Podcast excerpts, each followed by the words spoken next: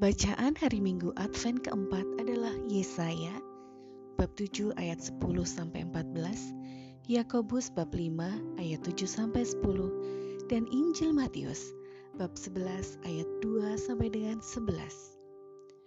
Pesan utama adalah kesabaran dalam menanti keselamatan dari Allah. Keselamatan itu ditentukan waktunya oleh Allah sendiri, tetapi ada tanda-tanda yang diberikan oleh Allah. Bagi orang Israel, tanda keselamatan adalah kelahiran Sang Juru Selamat yang lahir dari perempuan muda, ialah Maria.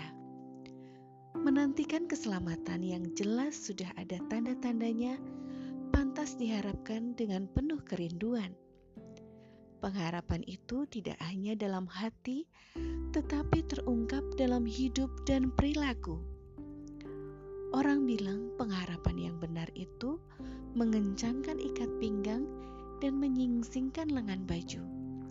Artinya, pengharapan yang terungkap dalam perbuatan dan dalam kehidupan nyata.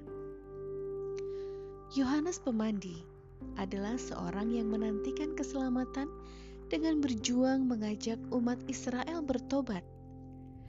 Dalam perjuangannya, ia akhirnya ditangkap, dipenjara, dan dihukum mati semena-mena. Ia lebih daripada nabi mana pun karena mengharapkan kedatangan Sang Mesias dan menyiapkannya dengan hidup sebagai askese di padang gurun.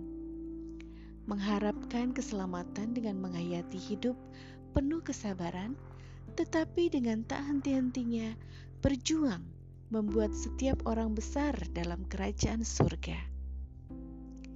Inilah permohonan kita.